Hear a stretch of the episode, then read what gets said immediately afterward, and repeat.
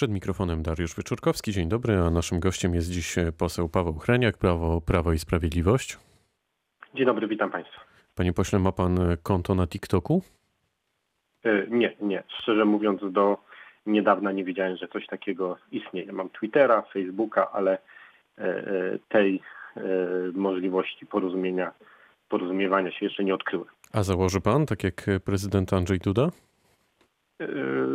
Nie, na, na chwilę obecną nie- nie, zastanawiałem się nad tym i myślę, że, że, że chyba raczej nie. Myślę, że te komunikatory, które mm, mam, a które tak naprawdę w obecnej sytuacji no, mają coraz większą rolę na dzień dzisiejszy e, w zupełności mi e, wystarcza.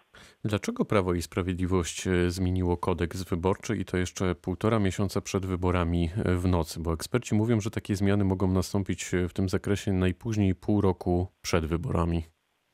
Znaczy, to jest zmiana, która jest podyktowana tym, że zdrowie Polaków jest najistotniejsze, najważniejsze. E, Przypominam, że ta zmiana, e, która e, nastąpiła i która być może będzie dalej kontynuowana, bo pojawił się nowy projekt poselski. To do tego dojdziemy oczywiście. Tak, kontynuowana. Tak naprawdę prowadzi do, do tego, żeby zabezpieczyć, jeżeli dojdzie w ogóle do wyboru, bo tego też jeszcze nie wiemy, zabezpieczyć zdrowie, zdrowie e, Polaków poprzez możliwość głosowania korespondencyjnego. E, Tak naprawdę nie jest to żadne ograniczenie e, praw, a wręcz e, przeciwnie. To jest poszerzenie praw, możliwości oddania e, głosu. Ja e, e, przypomnę, no, eksperci, o, którzy o tym mówią, to są e, eksperci, którzy zazwyczaj sympatyzują z opozycją. Ja przypomnę dwa wyroki e, Trybunału Konstytucyjnego z 2006 i z 2009, gdzie e, e, faktycznie Trybunał Konstytucyjny mówi o tym, że nie można zmieniać e, prawa wyborczego pół roku przed wyborami, ale mówi o istotnych zmianach, a te istotne zmiany to są takie zmiany, które wpływają na wynik wyborczy, no, progi wyborcze, wielkość okręgu wyborczego. Ale czy to jest zgodne z prawem, panie pośle?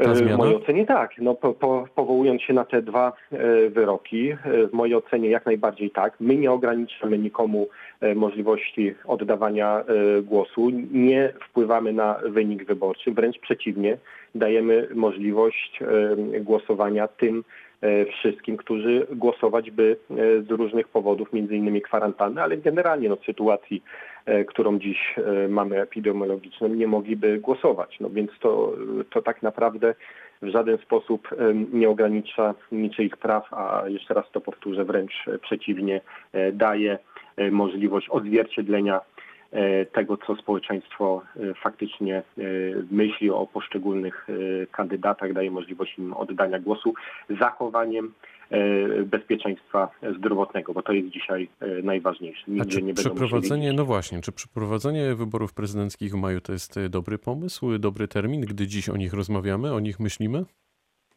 E, Jeżeli chodzi o sam e, e, akt e, wyborczy, to czy wybory odbędą się e, 10 maja, czy też e, nie, no pewnie ostatecznie zapadnie e, po m, e, świętach Wielkiej Nocy. O tym e, mówił i, i pan e, prezydent, mówił o tym e, również pan minister, niedawno e, rzecznik e, rządu.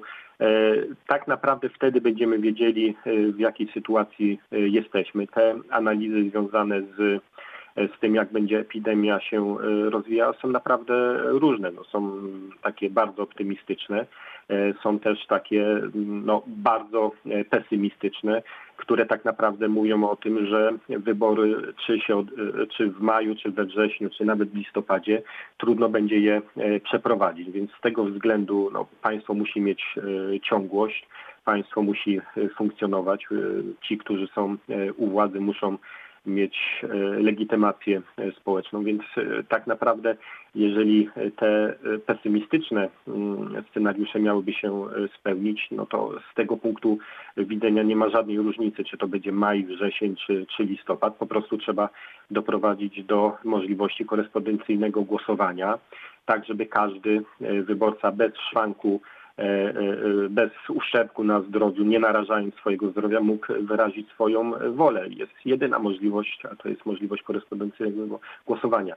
Nikt nie będzie narażany na utratę zdrowia, a jednocześnie będzie mógł oddać głos. Wczoraj właśnie grupa posłów Prawa i Sprawiedliwości zaproponowała, żeby wszyscy mogli zagłosować korespondencyjnie. W piątek zbiera się Sejm.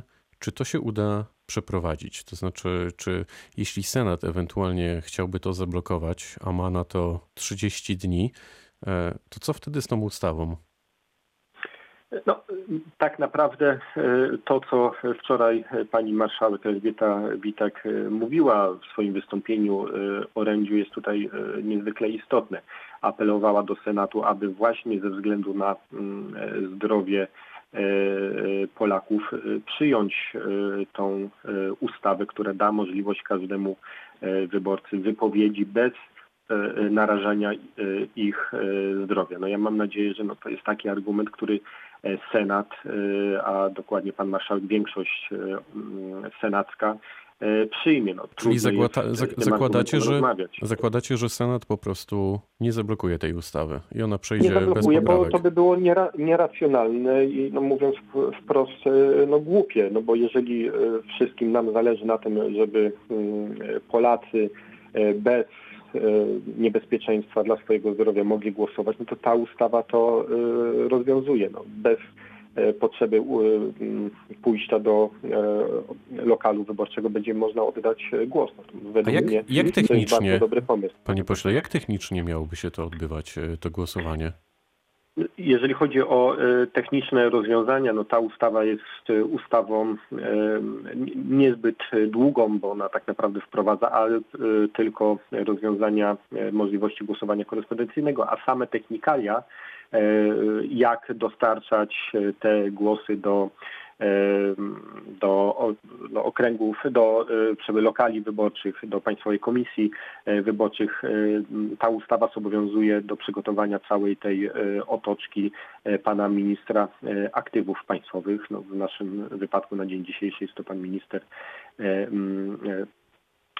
który urzęduje w KPRM-ie. Ja myślę, że no, w perspektywie naprawdę krótkiego e, czasu e, te regulacje związane z rozporządzeniami zostaną Czyli tutaj w tym zakresie, jeśli mówimy o technikaliach, to, to w zasadzie jeszcze nic nie wiemy. Ja myślę, że w piątek, kiedy będziemy debatowali nad tą ustawą, to, to jest czas na pytania, e, odpowiedzi. Ja myślę, że takie pytania, jak pan redaktor zadał, z całą pewnością się e, w trakcie tej debaty. Mm, Będę pytać, panie pośle, będę pytać tak, tak. Na, na, pewno. Jednocześnie pan prezydent Andrzej Duda powiedział tu cytat, że jeśli są warunki do tego, żeby chodzić normalnie do sklepu, to są i warunki, żeby pójść do lokalu wyborczego. Czy te słowa pana prezydenta są nadal aktualne, czy już jednak należałoby też je zweryfikować? No, jednocześnie pan e, prezydent e, chyba w tym samym dniu i nawet podczas tego samego e, wydarzenia, bo to była chyba dyskusja z, in, z uczestnikami jakiejś rozmowy. W trakcie rozmowy internetowej. Internet, tak, tak, jest. tak, internetowej. Też powiedział o tym, że tak naprawdę, czy wybory będą mogły się odbyć 10 maja, będziemy wiedzieli no, właśnie po świętach Wielkiej Nocy.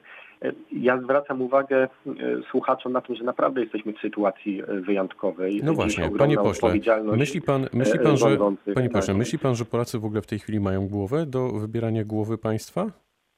Myślę, że nie mają e, do tego głowy. Najważniejsze jest zdrowie i pewnie myślą o swoim bezpieczeństwie. To może już teraz należy, może już teraz należy podjąć decyzję o ewentualnym przełożeniu wyborów. E, panie redaktorze, co będzie 10 maja trudno jest e, nam powiedzieć, jeżeli chodzi o sam, e, samą epidemię, ale tak naprawdę proszę pamiętać o tym, że państwo polskie musi funkcjonować. Rządzący dzisiaj, dlatego mówię o ogromnej odpowiedzialności, która spoczywa na, na, na rządzących, musi mieć ciągłość funkcjonowania.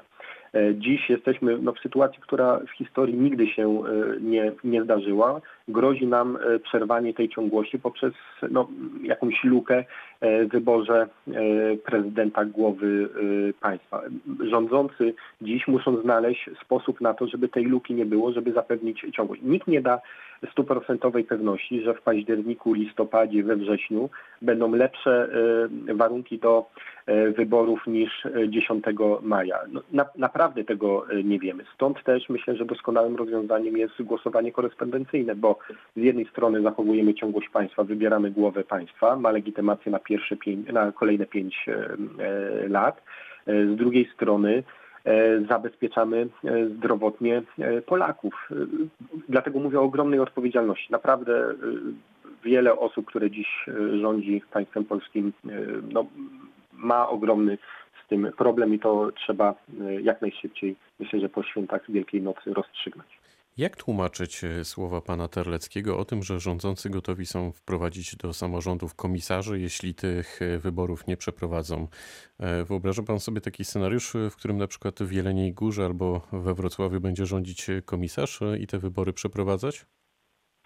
Ja myślę, że te słowa pana marszałka Terleckiego no, były związane z tym, że no, ustawy, które dziś w Polsce obowiązują, mówią o tym, że samorządy działają e, w ramach e, przepisów e, prawa. Jeżeli te przepisy prawa w sposób ciągły są e, nie realizowane, no to e, grożą pewne e, konsekwencje z tym związane. Ja myślę, że to była taka wykładnia natury ogólnej. No, Czyli pan Terlecki tym, pomachał że- palcem, innymi słowy, tak? samorząd, ja, przy, ja myślę, że to chodziło przede wszystkim o to, żeby przypomnieć samorządom, że są częścią państwa polskiego. No, samorządy oczywiście mają swoją auton, autonomię w pewnych e, działaniach, ale nie są wyspami e, niepodległych e, suwerennych bytów, tylko są częścią państwa polskiego. Ja myślę, że to trzeba w ten sposób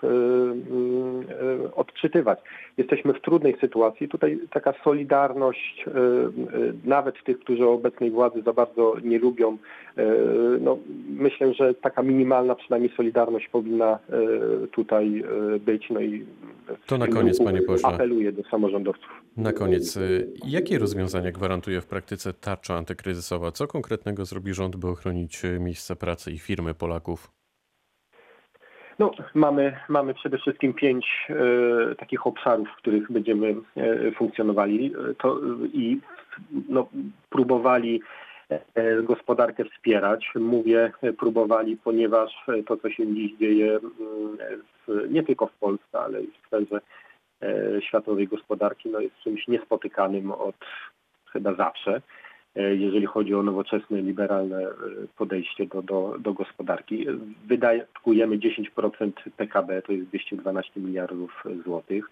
E, Przekazujemy te środki tam, gdzie obecny rząd uznaje, że najbardziej zostaniemy, mm, e, zostaniemy mm, uderzeni, jeżeli chodzi o kwestie gospodarcze, przede wszystkim mikro i małe przedsiębiorstwa, ale e, przede wszystkim idea tego jest e, taka, żebyśmy zachowali moce produkcyjne, dlatego m, też są te wsparcia dla przedsiębiorców, którzy nie pozwolą, nie, nie będą zwalniali swoich pracowników po to właśnie, kiedy ta pandemia e, minie, żeby nasza gospodarka na, pewnych obro- na pełnych obrotach mogła wrócić do e, aktywności. Ja myślę, Musimy kończyć, panie to- pośle. to poukłada e, e, całe e, przyszłe e, funkcjonowanie gospodarki światowej. E, Już e, kończę i życzę Państwu zdrowia, Panu redaktorowi i, i wszystkim słuchaczom.